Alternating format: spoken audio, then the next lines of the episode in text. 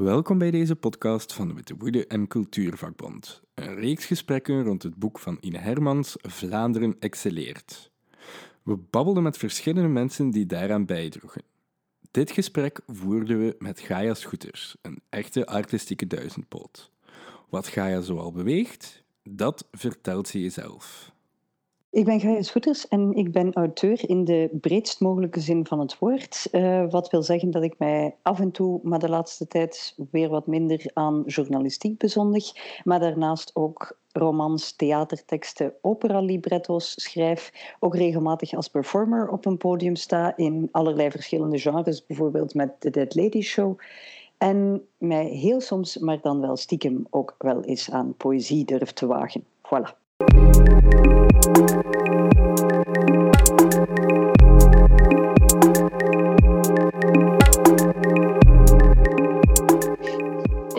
cool. Uh, en hoe, hoe, ben je eigenlijk tot, u, tot uw bijdrage aan het boek gekomen? Hoe is dat uh, in zijn gang gegaan?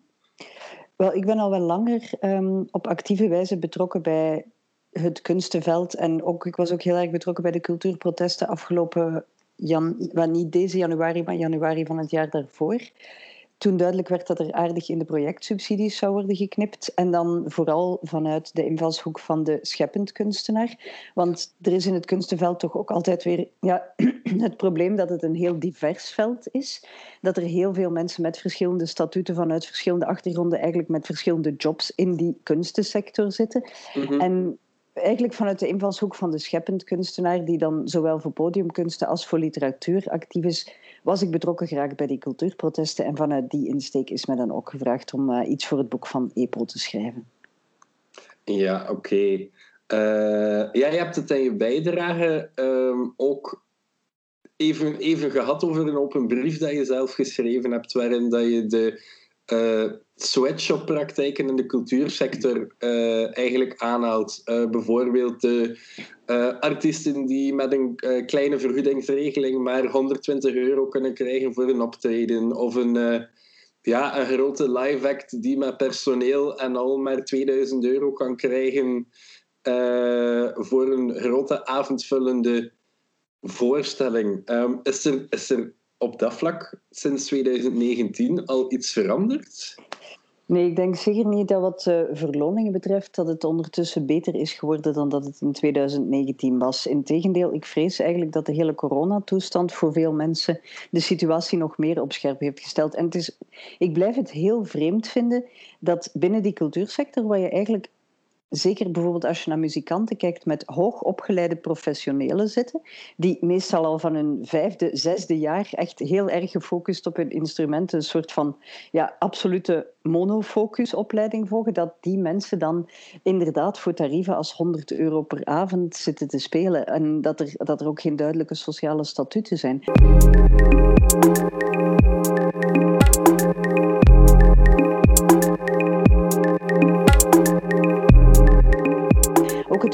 Van een duidelijk eenvormig statuut is ook iets dat nu door de hele COVID, door de hele coronacrisis weer heel duidelijk is geworden. Het aantal mensen dat nu in de problemen raakt, is, is echt niet te tellen.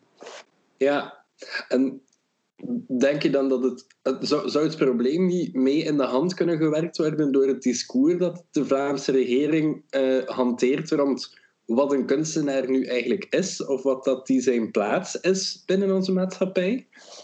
Wel, ik denk dat er zeker een groot probleem zit bij het idee dat kunst rendabel moet zijn. Er wordt ook heel, heel sterk gesproken over cultureel ondernemerschap.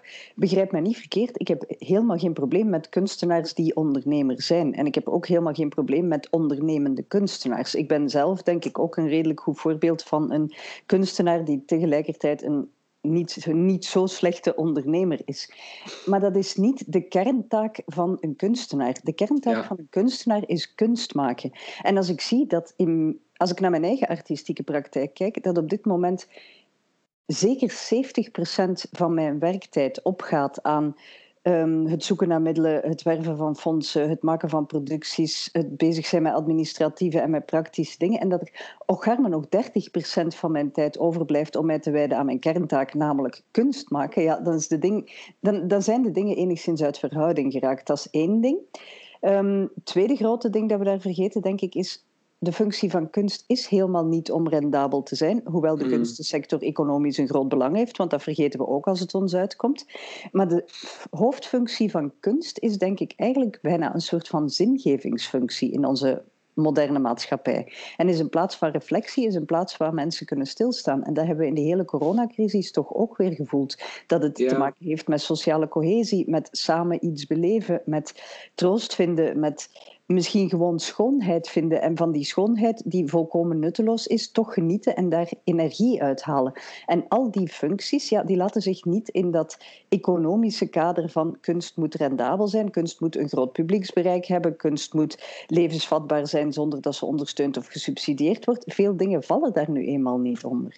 Ja, ja en dat zie je ook, ook op een. Op een Allee, in, in andere sectoren nog terugkomen natuurlijk. Ik kijk naar onderwijs, waar dat er eh, ja, beknibbeld wordt op uren esthetica, uren kunst in het algemeen. En eh, ja, met, met, een, met een groter aandeel aan stem en techniek. En ja, ergens denk ik een beetje dat dat is hoe dat de regering over onze maatschappij nadenkt. Van we moeten arbeidskrachten afleveren die klaar zijn om geld te verdienen. En ja, iets, iets doen voor je plezier. Ja, doe dat dan maar nadat je geld verdiend hebt of zoiets. Wel, dat is een beetje het triest. Je ziet dat inderdaad ook heel sterk in onderwijs, waar er nu op al die kunstvakken, op al die eh, vakken als esthetica, kunstgeschiedenis, maar ook op al die expressieve vakken wordt beknibbeld. Omdat er heel erg wordt gekeken naar vakken die onmiddellijk renderen en onmiddellijk een soort van praktische handvaten voor de arbeidsmarkt geven. Maar wat we vergeten is dat al die kunstvakken niet alleen een soort belangrijke culturele bagage vormen, waardoor jongeren in staat zijn om bijvoorbeeld verbanden te leggen, dingen te plaatsen in de kunstgeschiedenis, eh, dingen te plaatsen in een groter historisch kader, want dat verliezen we. Maar ook niet meer in staat zijn om via die esthetische vakken een soort van denken te ontwikkelen dat niet een onmiddellijk resultaatsgericht denken is. En het Mhm. verloren gaan van dat creatieve denken is eigenlijk iets wat ook op heel veel arbeidsprocessen, als we het dan toch economisch willen bekijken, een gevolg gaat hebben. Want het Ja. feit dat mensen out of the box kunnen denken, dat mensen buiten een gestroomlijnd one-liner kader kunnen denken, dat ze zich kritische vragen blijven stellen, dat ze op zichzelf leren reflecteren of zelfs maar uiting geven aan hun emoties, zijn allemaal dingen die ook impact hebben aan de manier waarop iemand later in een job staat, zelfs als die job hoegenaamd niet artistiek is. Ja. Ja, ja, absoluut. Eh, en, en ah, je schrijft het in je bijdrage eh, ook dat, dat passiebetaling niet eh, hoeft uit te sluiten. Maar dan denk ik dat we kunnen concluderen dat we eigenlijk tot een soort herwaardering moeten komen van wat dat een kunstenaar nu eigenlijk is en wat dat die zijn plaats is in de maatschappij. Ik denk dat we zeker moeten komen tot een herwaardering van de kunstenaar. En ik denk dat er eigenlijk twee grote dingen zitten die dringend herdacht moeten worden. In de eerste plaats, een kunstenaar heeft wel degelijk een functie en heeft wel degelijk nut. Ook al is dat nut niet economisch of zelfs niet dwangmatig sociaal, want ook niet elk artistiek project moet een sociaal-artistiek project zijn. Soms is Ja. het maken van iets moois, iets wat sociaal zinvol is. Alleen Ja. kan je dat niet zo één op één gaan afmeten. En het tweede ding is dat we eindelijk die kunstenaar moeten gaan zien als een professional, wiens Mhm. vak het is om kunst te maken. Er is ook, want er wordt dan heel vaak gezegd van ja, maar ja, je kan toch ook gewoon zorgen dat je les geeft of een andere job doet, waardoor je het maken van die kunst kan gaan betalen en dan maak je die kunst maar buiten je uren. Wel, ik heb nog nooit iemand gehoord die tegen een chirurg zegt van weet je, we gaan je niet meer betalen voor je operaties of nauwelijks, maar halfweg die, open, die open hartoperatie laat die patiënt even liggen, ga drie weken bij de bakker werken en zodanig dat je dan jezelf kan betalen en dan maak je je operatie af. Maar dat is wel wat vol continu van kunstenaars wordt gevraagd van Ja, Doe ja. iets anders wat het economisch levensvatbaar maakt om kunst te maken. En op die manier kunnen we niet meer op professionele wijze kunst maken en gaat het niveau ook dalen vroeg of laat.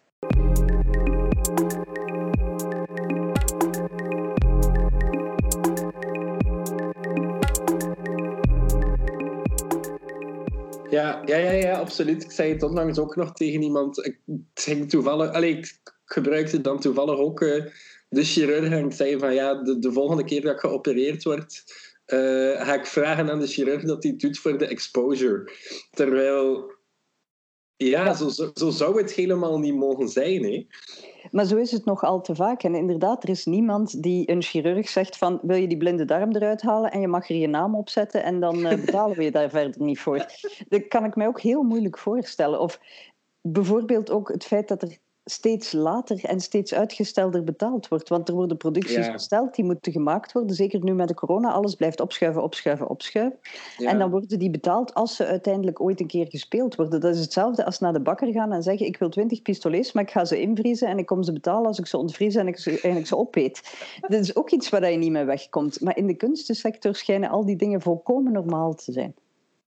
En ja. dat is moeilijk zou, zou een deel van dat herwaarderen er dan uit kunnen bestaan dat we aan het grotere publiek duidelijk maken wat dat zo'n maakproces net inhoudt. Volgens mij beseffen mensen te weinig van je gaat kijken naar een voorstelling, maar ja, aan zo'n voorstelling gaat meer dan een half jaar werk vooraf van een hele ploeg. Dat is zeker een feit. Ik denk dat het heel belangrijk is dat mensen meer zicht krijgen op ten eerste hoeveel werk er in zo'n maakproces, in zo'n creatieproces zit. En hoe als jij een theatervoorstelling of een muziekvoorstelling binnenloopt, hoe dat eigenlijk al meer dan een jaar op voorhand begonnen is. Um, ik zal bijvoorbeeld opera als voorbeeld nemen, wordt altijd gezien als heel dure tickets. Ik ben het ermee eens, een goed operaticket is belachelijk duur. Mhm. Maar als je kijkt naar de machine die daarachter zit en mhm. hoe aan het schrijven van zo'n opera een componist meer dan een jaar bezig is, een librettist twee, drie, vier maanden bezig is, die hele repetitieprocessen die eraan vooraf gaan, dat volledige orkest dat een stuk leren, de zangers die een stuk moeten leren, die dat ook van buiten moeten leren, dat zijn allemaal dingen die dan samenkomen in die ene avond, maar waar je eigenlijk naar een ploeg zit te kijken van ja, 50, 60, 70, soms meer dan 100 mensen die maandenlang daaraan gewerkt hebben. Dus natuurlijk zijn dat heel dure processen. En het tweede wat we niet zien is, nogmaals, al die mensen die daar staan, zijn vaak mensen die daarvoor jaren gestudeerd hebben. Ja, ja, ja, ja, ja absoluut. En die heel vaak, en dat zien we ook niet, korte carrières hebben. Om nu bij het opera-voorbeeld te blijven, een operazanger, dat is zoiets als een topsporter. Voor mhm. veel van die mensen is het rond hun 40, 45. Ja, misschien nog niet per se gedaan, maar moeten ze wel al gepikt hebben. Dus dan is het ook wel normaal dat er, ja, zeker voor solisten, wel weer hogere fees betaald worden. Ja, ja, ja, ja, ja, ja absoluut. Um, ah ja, we zien dan nu ook dat, dat tijdens de corona de Vlaamse regering wel probeert om, zo, om, om artiesten meer onder de aandacht te brengen in de, uh, in de vorm van bijvoorbeeld Podium 19. Uh, eh, zo de, de, de sessies van bepaalde bands dan bijvoorbeeld, die dan wat airplay krijgen op de VRT, maar ik vraag me dan af, is, is dat genoeg? Is dat niet een beetje... Ja, een beetje triester eigenlijk. Ja, wat exposure betreft is het natuurlijk nooit genoeg. We moeten daar als sector veel gulziger in zijn. En ik denk dat de kunstensector veel te bescheiden is in het duidelijk opeisen van zijn plaats in de maatschappij.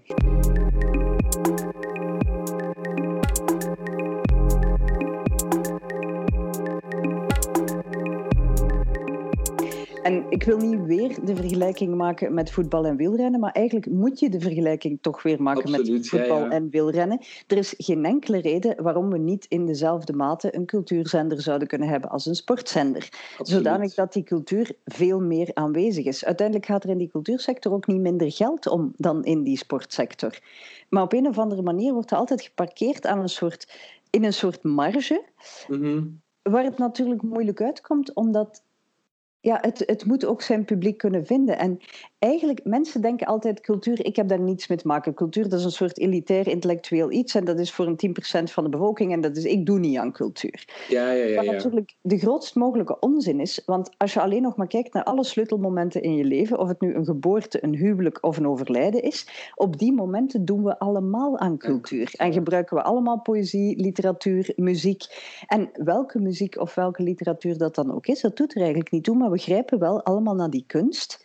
Ja. Fotografie, een schilderij voor op een doodsprentje. Ik bedoel, het zit er altijd in. Eigenlijk zijn we daar allemaal mee bezig. Ja. En die centrale functie zouden we op een of andere manier terug moeten kunnen innemen. En niet alleen door mensen naar de cultuurhuizen te brengen, maar ook net zo goed door cultuur uit die cultuurhuizen te halen. En die wisselwerking is heel belangrijk. Ja, Ja, ja, ja, ja. En dan zou de focus denk ik ook nog veel, alleen van de regering uit nog veel meer op de mensen mogen liggen en iets minder op de. We moeten uitstralen naar het buitenland toe. Met dan nog het, beste voorbeeld, uh, Jan Jan Bon, die in volle coronacrisis aankondigt van. Uh, Joepie, we, hebben, we hebben geld gevonden voor, voor cultuur. We gaan 200 miljoen steken in het renoveren van gebouwen. Wel, we hebben in Vlaanderen als het over cultuur gaat, nogal vaak de neiging om, we zijn tenslotte goede Vlamingen, het in bakstenen en niet in mensen te steken. Dat is nu eenmaal een deel de volksart, maar dat is wel jammer. Want zo'n gebouw wordt gevuld door kunstenaars. Mhm. En hetzelfde geldt met ja, de grote kunstenaars waar we dan in het buitenland mee uitpakken die zijn in veel gevallen dood. Ik heb niks tegen uitpakken met dode kunstenaars, maar ik vind het altijd interessant om ze dan te koppelen aan levende kunstenaars, ja, ja, ja, die aan internationale uitstraling ook nog iets hebben. En wat we daarbij ook vergeten is, als we nu niet gaan investeren in die levende kunstenaars, ja, dan gaan we dat niveau van die dode kunstenaars binnen 10, 20, 40 jaar niet meer halen. En zelfs niet van de levende kunstenaars waar we nu mee uitpakken. Want als ik dan naar de letteren kijk, iemand als een Tom Lanois bijvoorbeeld, wat die heeft kunnen verwezenlijken in zijn leven, of wat de grote Belgische theatergezelschappen hebben kunnen verwezenlijken, ja, als we op deze manier waarop we het nu doen met cultuur en met talent van nu blijven omgaan, dan kunnen we het vergeten dat we binnen 40 jaar iets van dat niveau nog kunnen neerzetten. Ja. Want talent moet ook middelen krijgen om zich te ontplooien. Ja, ja en ah ja, op, op dat vlak heb je natuurlijk ook de, de volgens mij kwalijke invloed van privéspelers als uh, een Studio 100 of een De Persgroep op, uh, ja, op, op Vlaamse openbare media. Kijk, kijk naar de duidelijke stempel van de persgroep op, het, uh, op, op de laatste nieuwe beheersovereenkomst van de VRT. Uh, en, en samen, allez, samen met, met de NVA die een discours voert van subsidieslurpers en kunst. Ja, kijk een keer naar wat dat Breugel schilderde. Dat was pas kunst. Ja, eigenlijk... Ja, ik ben er voor mezelf niet goed, niet goed uit waar dat het naartoe moet. Volgens mij is het cultuurveld misschien soms te gefragmenteerd of soms net te veel bezig met ieder voor zich te overleven. Net omdat er zo precaire statuten zijn van freelancers en dagcontracten en...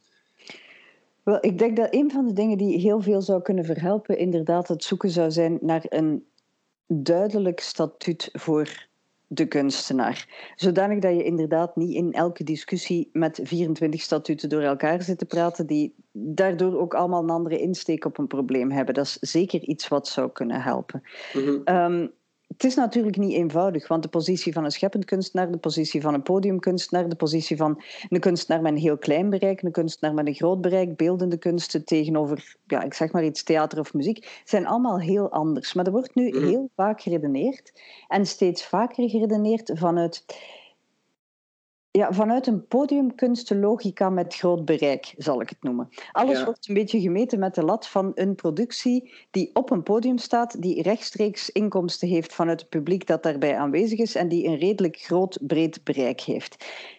En dat is ook maar een segment van het mhm. kunstenveld.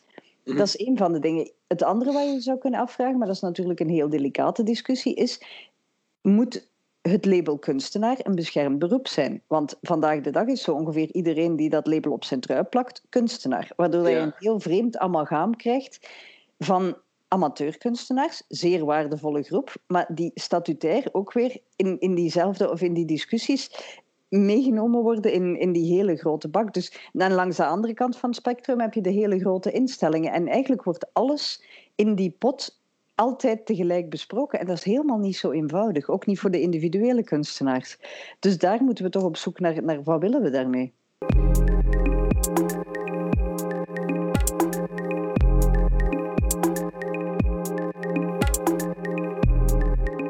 Ja, en denk je dat de vakbond daar een rol in kan spelen? Ik denk, voor het probleem met vakbond en kunstensector is denk ik grotendeels dat je met heel veel individuen zit, met heel veel individuele kunstenaars, die eigenlijk ja, ook heel vaak nog zo'n beetje Einzelgangers zijn. De meesten zijn ook vooral bezig met het maken van hun kunst. Niet iedereen is bezig met die inhoudelijke discussie rond statuten en zo. Maar het zou zeker kunnen helpen als er daar een ja, ook bijvoorbeeld wat minimumlonen of wat het hele fair pay gebeuren betreft, dat er daar toch op een andere manier naar gekeken wordt. Want het is gewoon heel moeilijk om vat te krijgen op dat probleem en om daar mhm. iets aan te doen. En langs de andere kant, naar de publieke opinie toe, denk ik dat het heel belangrijk is om dan in die hele discussie rond subsidieslurpers, geen subsidieslurpers, bijvoorbeeld ook eens onder de aandacht te brengen als je gaat kijken naar bedrijven zoals Studio 100 in welke mate dat soort bedrijven gesteund wordt door een overheid. En hoe die mhm. via allerlei andere maatregelen net zoveel subsidies of veel meer subsidies binnenhalen. Want subsidies wordt dan altijd de subsidieslurper. Dat gaat dan over kunstensubsidies die uit de potcultuur komen. Ja. Maar elke bedrijfswagen die rijdt, is bij mijn weten ook gesubsidieerd. En dat soort maatregelen en ondersteuningen wordt nooit meegeteld in het al dan niet subsidieslurpen. Ik bedoel, de hele Belgische is gesubsidieerd. Ja, ja, ja. Om, om maar te zwijgen over wat dat partijen elk jaar aan, uh, aan dotaties krijgen. Uh, maar ja, als, als we dan daarover babbelen, het was een paar weken terug in de zevende dag. Uh, Raoul Hedebouw tegenover iemand van Vlaams Belang en dan nog iemand van Groen en CD&V. Ehm, en dan ja, als het gaat over hoeveel geld dat ze zelf krijgen, dan is het allemaal rond de pot draaien. En ja, maar ja, wij hebben dat wel nodig. Terwijl ik, ik denk een eerste oplossing zou al kunnen zijn: noem het niet subsidies, noem het investeringen. Hm. En in een tweede stap, zorg ervoor dat kunstenaars, gelijk wat dat ze doen, is het iemand die schrijft, is het iemand die performt, zich niet meer zoveel moeten bezighouden met bewijzen waarom dat ze net dat geld nodig hebben. Wel, Noem het investeringen vind ik een heel terechte opmerking, want een van de dingen die volgens mij ook de, heel veel mensen zich niet realiseren is, neem bijvoorbeeld de projectsubsidies. Die bedragen aan projectsubsidies, die worden meestal bijna volledig of zelfs meer dan volledig opnieuw in een productie gestopt. Mhm. Dus de hoeveelheid van het geld van die subsidies die werkelijk in de zak van de kunstenaar terechtkomt, is meestal ontzettend klein als het al niet omgekeerd zo is en als de kunstenaar eigenlijk al om zijn project te kunnen maken niet nog een stuk uit zijn eigen zak bijlegt aan die subsidies om een productie te kunnen maken. Want het is nu eenmaal, bij het maken van subsidiedossiers is het heel vaak zo dat je bijvoorbeeld de helft van je werktijd als eigen investering mee inbrengt in een subsidiedossier. En dat je dus in die zin al betaalt voor het maken van een productie. Dat is iets waar de mensen totaal niet bij stilstaan. Maar als je een subsidiedossier indient, waar je niet een deel van je eigen werk inbrengt als dit investeer ik gratis, dan is de kans dat je subsidiedossier goedgekeurd wordt al een heel pak kleiner. Ja. En meestal gaat het zelfs nog verder dan dat. En ik wil het aantal kunstenaars niet tellen die dan uiteindelijk een deel van hun eigen fee ook weer gebruiken om de mensen in technische functies gewoon een fee te betalen, want die moeten gewoon betaald worden. Die sturen een factuur aan het einde van de rit. Die hebben niet die artistieke band met het product. En dan denkt iedereen, ja, maar die subsidies die kunstenaars krijgen, dat geld zomaar en steken dat allemaal in hun eigen zakken. Wel, er komt heel weinig van dat geld uiteindelijk bij de kunstenaar uit. Ja, ja, en uiteindelijk, als we dan weer naar de analogie gaan van, van ja, een chirurg of een loodgieter, als zij een, een beroep mogen uitoefenen tegen een deftig loon uh, en uit liefde, waarom zou een kunstenaar dat dan niet mogen? Wel, het zou een vreemde redenering zijn dat omdat je je werk graag doet, je er niets aan mag verdienen. Dat lijkt mij een, heel, vreemde, een heel vreemd idee van economie. Alsof we iedereen willen verplichten om zo weinig mogelijk van zijn werk te houden.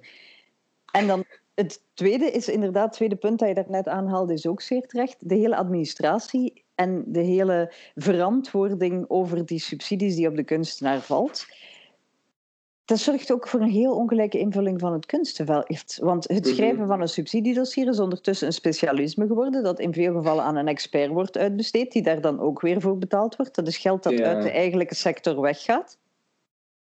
En als mensen het zelf doen, maakt het ook weer een onderscheid tussen wie is daar handig en wie is daar niet handig in. Mm. En vooral het ergste, dat is allemaal tijd die afgaat van de creatieve tijd. Ja. Bedoel, als je een toptennisser of een topchirurg hebt, dan is er toch niemand die van zo iemand verwacht dat hij meer dan de helft van de tijd bezig is met het invullen van papieren. Dan wil je toch dat hij doet wat hij goed in is. Absoluut, ja, absoluut. Ja, Maar het is, het is een beetje een breder probleem dan, dan de kunsten alleen. Ik denk dat uh, Sascha Dirks was die zei van... Ehm, aan de top van de maatschappij is het mooi vertoeven. Uh, maar als je je aan de... Ehm, ja, als je je van onder bevindt, dan moet je eigenlijk constant bezig zijn met heel je open en toe te bewijzen. Is het als kunstenaar, is het als werkloze, is het als iemand die een sociale woning wil of zo? Terwijl volgens mij zouden we meer gebaat zijn bij, bij vertrouwen, bij het meer armruimte geven aan kunstenaars. Uh, en ja, we verliezen het belangrijkste uit het oog. Als mensen aan cultuur doen, daar worden ze gelukkig van. En daar kun je volgens mij moeilijk, moeilijk een prijs op zetten. Ja, alleen is het al wel langer zo dat bij de meeste politiek-maatschappelijke keuzes die er gemaakt worden, het geluk van de gemiddelde mens niet het criterium is waarop ze worden gemaakt. Mhm. En dat is een beetje het jammer. Er wordt heel erg gekeken naar wat kan er aan economische return uit die sector komen voor onze maatschappij. Maar waar we de hele sociale return, en die eigenlijk in zekere zin ook een economische return is. Want mensen die gelukkiger zijn, worden minder vaak ziek en zijn bijvoorbeeld minder vaak in ziekteverlof of minder vaak in burn-out. Dus in die zin kan de cultuursector ook zorgen dat je economie op een gezondere manier werkt. Maar er wordt alleen maar gekeken naar het 1-1 resultaat van wat brengt dit mij op.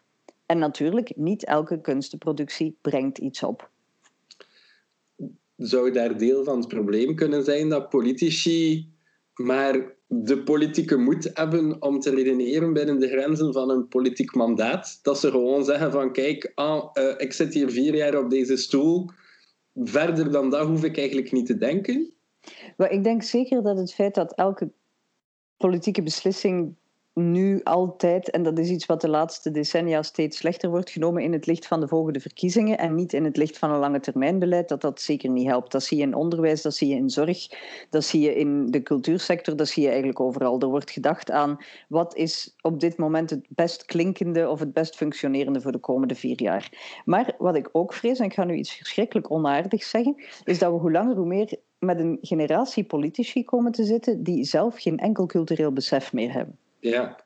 En dat helpt de zaak ook niet vooruit. Bij de politici van twintig jaar geleden zaten er mensen die een heel duidelijke band hadden met de cultuursector. Mhm. En die daar zelf ook een heel grote liefde en een heel grote respect voor toonden. En dat is iets wat ik steeds minder zie bij de jonge generatie politici. Je ziet ze ook nergens. Ja, ja het, is, het is veranderd. Hè. En de mensen die er nu uh, voor verantwoordelijk zijn, en dan kijk ik vooral naar Jan Jan Bon en uh, Marius Meremans uh, ja, die, die hanteren toch geen, geen respectvol taaltje naar de cultuursector toe. Wel, van Jan Jan Bon vind ik het een vreemde zaak. Het is een man die zegt dat hij van opera houdt, maar die blijkbaar toch geen enkel besef heeft van hoe dat culturele veld functioneert. En waar, als hij een besef van heeft, dat besef dan bij de grote instellingen ligt, daar, daar lijkt het mij nog wel te lukken. Maar waar dat hele middenveld van individuele onafhankelijke kunstenaars die eigenlijk proberen toch nog met enig experiment kleinere producties te maken. Het is eigenlijk de broeikas waar het allemaal gebeurt, het hele project subsidieveld om het dan maar te noemen, geen enkel besef heeft van hoe dat functioneert. En dan ben ik toch soms bijna geneigd om daar enige ideologische slechte wil in te zien. Want het is natuurlijk ook zo dat net bij die onafhankelijke kunstenaars dat er heel weinig impact is, of heel weinig impact is die het beleid kan hebben op wat er daar gemaakt wordt en wat er daar aan reflectie gebeurt.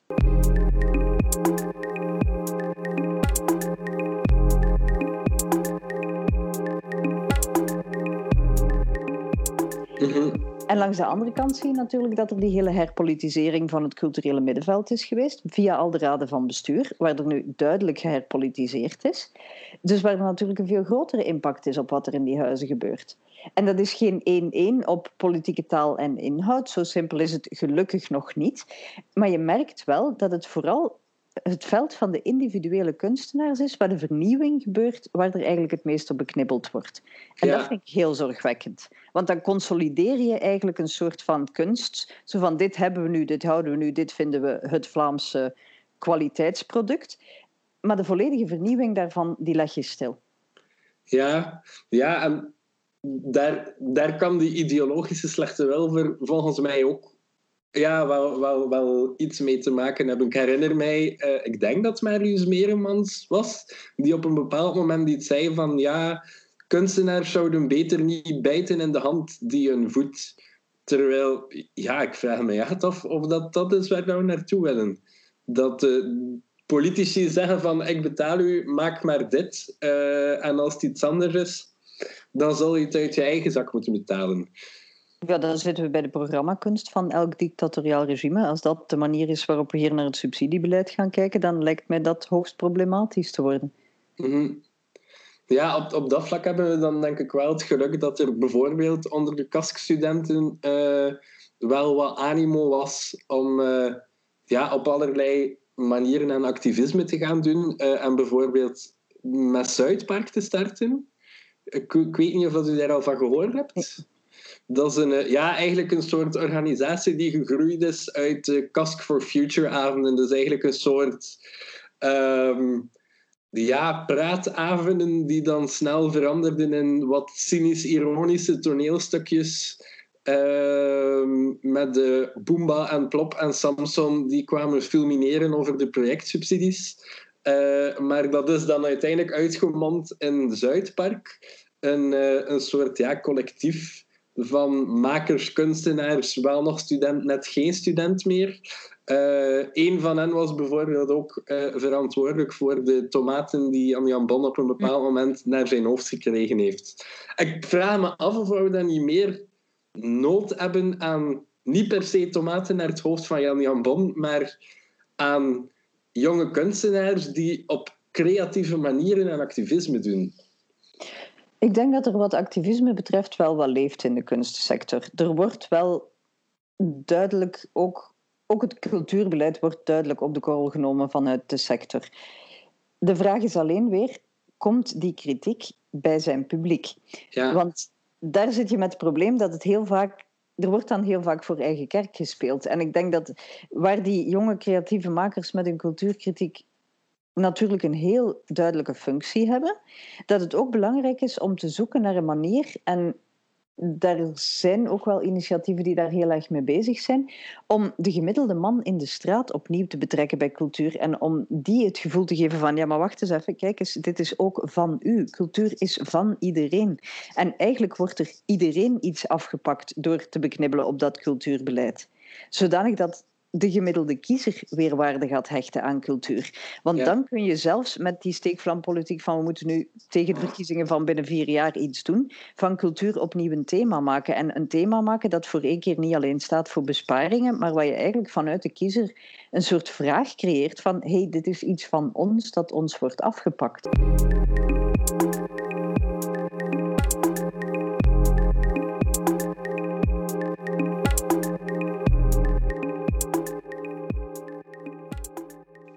Hangt dat ook niet voor een stuk samen met, met wat dat politici de Vlaamse identiteit noemen en wat dat het eigenlijk zou moeten zijn? Vlaamse identiteit, dat is volgens mij echt niet mijn uh, veld van expertise. Ik heb nog nooit een idee gehad van wat ik me daarbij moet voorstellen. Wel, ik denk, denk veel mensen niet. Uh, maar ja, dat is dan ook weer het, het, het gevolg, denk ik, van waar dat we nu staan in cultuurbeleid. Dat er door verschillende politici iets, iets geschetst is van wat dat, dat Vlaams, die Vlaamse identiteit zou moeten zijn. En dat creatieve kunstenaars die out of the box denken, dat die daar geen deel van zijn. En we zitten bij de gehaktballen in tomatensaus dan. Hè? Dat was dan de Vlaamse identiteit op een gegeven moment. Maar het hele ding is, en dat, dit is ook iets wat een stuk met onze volksaard te maken heeft, maar er moet opnieuw een soort absolute trots komen op wat er in Vlaanderen allemaal wordt gemaakt. Want als je kijkt naar wat de cultuurbudgetten in Vlaanderen zijn in vergelijking met landen als Duitsland, ja, sorry, dan is dat als je het in procent bekijkt echt om mee te lachen of om bij te huilen, afhankelijk van aan welke kant je staat. Maar dat is dramatisch. En als je kijkt naar wat er van eigenlijk nog steeds excellente kunst gemaakt wordt, zowel in de literatuur als in de muziek, als in de schilderkunst, waar we, of als in de dans, waar wij overal internationaal nog altijd mee aan de top staan. Met zo'n, ik kan het niet anders noemen als een belachelijk prutsbudget, dan kun je mhm. alleen maar heel erg trots zijn op wat de Vlaamse of de Belgische cultuursector nog altijd voortbrengt. Ondanks het cultuurbeleid. Ja, ja, absoluut. ehm, in, in termen van oplossingen of zo, ja, of, of stappen naar uh, minder precariteit voor kunstenaars, zou een, een, een soort basisinkomen een optie kunnen zijn? Het basisinkomen wordt heel vaak als eerste oplossing naar voren geschoven als een soort manier om iets te doen aan het uh, precaire statuut van kunstenaars. Ik vind dat zeker een goede gedachte. Dat het ook nu in coronatijden voor heel veel mensen een enorm verschil gemaakt. Je wil niet weten hoeveel kunstenaars er nu op een of andere manier aan het OCMW zijn beland. Of hoe echt topkunstenaars nu een of ander rekkenvullen jobje staan te doen, omdat ze nu eenmaal ja, ook een oplossing moeten zoeken en omdat hun statuut gewoon niet in orde is of niet in orde te krijgen is. Dus een duidelijke administratieve omkadering, of via een basisinkomen, of via eindelijk een functionerend, doordacht, helder kunstenaarstatuut, zou ook een heel mooie oplossing kunnen zijn. Ja. Um, een, een, van de andere uh, mensen die uh, die ik sprak in het kader van het boek, die stelde ook een soort, ja, die noemde het zelf een cultural new deal uh, voor als oplossing. Dat je tegen mensen uit de cultuursector eigenlijk zegt van, kijk, um, tien uur per week of zoiets moet je besteden aan een aantal activiteiten die op voorhand vastliggen. Dat mag van alles zijn, uh, liefst te maken met, het, met hetgeen dat je doet. En dan ben je voor de rest van je tijd vrij om te doen wat je wilt en word je ervoor betaald ook. Zou, ja, hoe, sta jij daar tegenover? Ik denk dat het ook weer iets is waar elke kunstenaar voor zichzelf moet afwegen.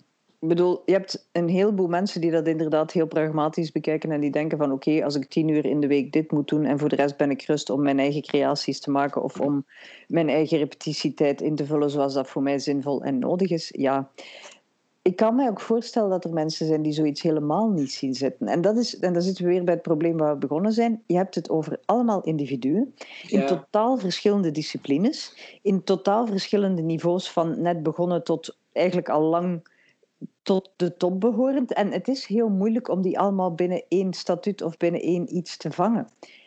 Maar ik kan mij op dit moment niet voorstellen, als ik zie hoeveel administratie en miserie er nodig is om als kunstenaar te kunnen overleven, dat is veel meer dan tien uur in de week. Dus als je, mhm. zegt, als je tegen mij zegt, je moet tien uur in de week, en dan mag je al heel veel dingen noemen die ik in die tien uur in de week moet doen, dan zal het in ieder geval winst zijn tegenover alle ballast dat ik nu 40 uur in de week zit te doen, of 50 uur in de week zit te doen.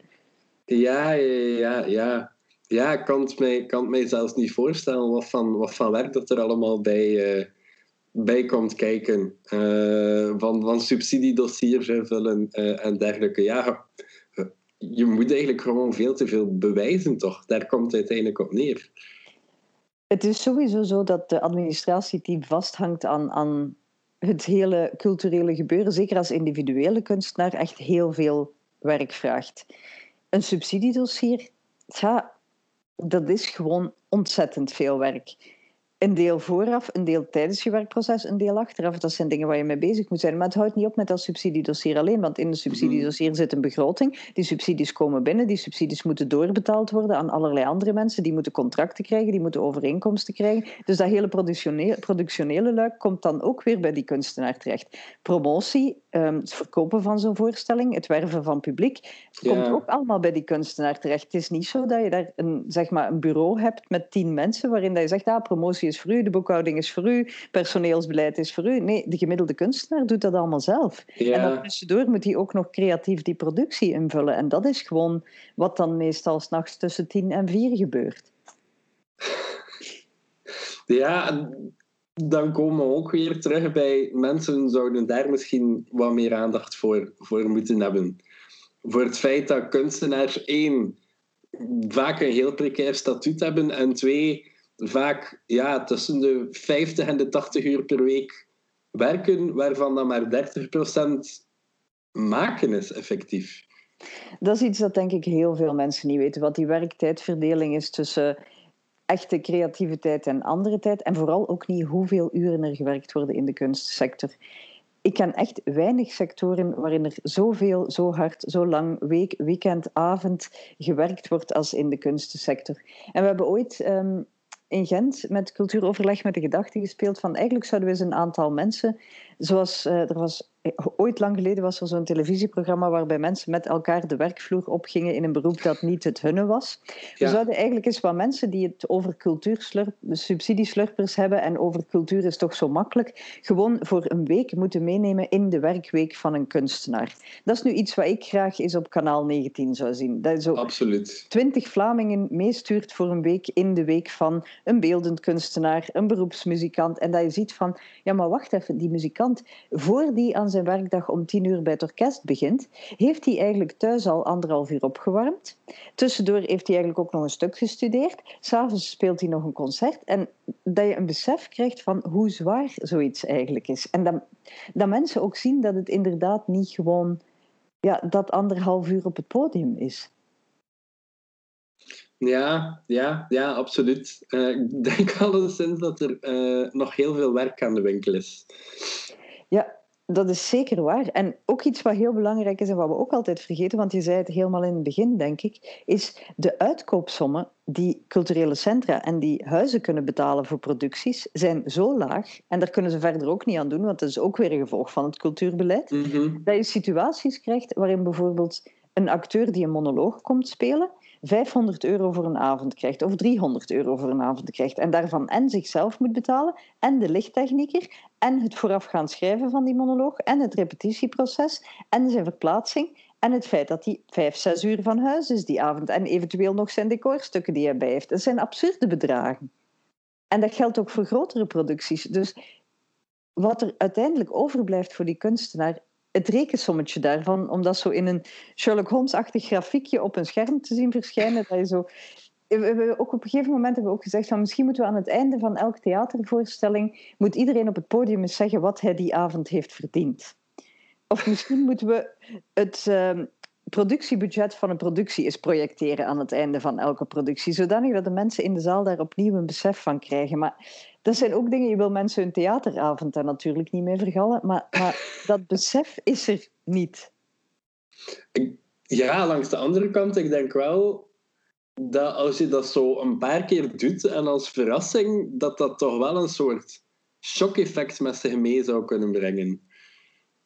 Wel, ik denk dat het aan zich niet slecht zou zijn om af en toe het publiek eens heel duidelijk te wijzen op wat er maar te verdienen valt met de kunsten ook met de, de letteren bijvoorbeeld, is ook zoiets van eigenlijk geen verdienmodel meer heeft. Hè. Je schrijft een roman en een auteur krijgt per boek dat hij verkoopt tussen een halve en anderhalve euro. Een behoorlijke oplage in Vlaanderen is 1500 boeken. Dan heb je 1500 euro verdiend met een boek waar je gemiddeld drie jaar aan werkt. Oeh, amai. Uh, ja, dat is deprimerend. Uh, ik ben... Uh ja, zelf ook met, nog naast mijn werk met een, eh, met, met een boek bezig. En het zijn, ja, het zijn heel leuke vooruitzichten. Op Doe dat nog niet, zou ik zeggen. of in het andere geval, zorg dat je er voldoende auteurslezingen over kan geven. Dan kan je daarmee nog enigszins compenseren. ik, eh, ik, ga de tip meenemen. Ik had afsluitend voor, voor het interview misschien nog één, ja, een, een, een hypothetisch, een hypothetische vraag. Stel ehm, ja, dat, je, dat je morgen uh, beleidsmacht zou krijgen en je mag echt dingen uitvoeren. Ehm, wat is één stap die je dan zou nemen richting een betere slash meer eerlijke cultuursector?